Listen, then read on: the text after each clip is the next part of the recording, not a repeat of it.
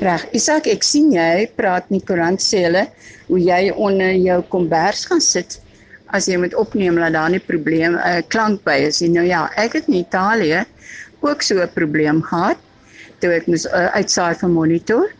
Want onthou die Italianers is baie remoerig, né?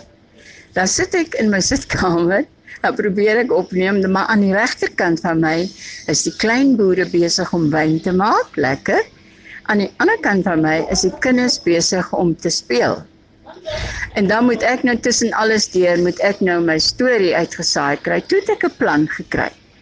Want onder my trappe was daar 'n klein kamertjie sonder 'n venster. Wat beteken dit was uh nie ligdig nie, wat is die ander woord klankdig. Dan het ek my storie klaar geskryf.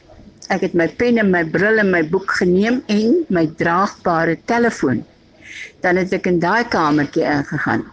En dan het ek op die troon gaan sit en my storie na Suid-Afrika uitgesaai. Toe ek dit later vir iemand in Suid-Afrika vertel, het hy gesê, "Nou verstaan hy waarom daar soms so 'n geurtjie by my stories was." Tot nog net Italië.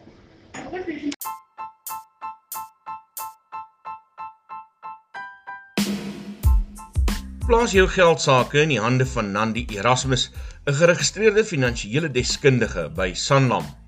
Haar dienste sluit in omvattende finansiële beplanning, beleggingsbestuur, welvaartskepping, boedelbeplanning, sakeversekering en koopooreenkomste.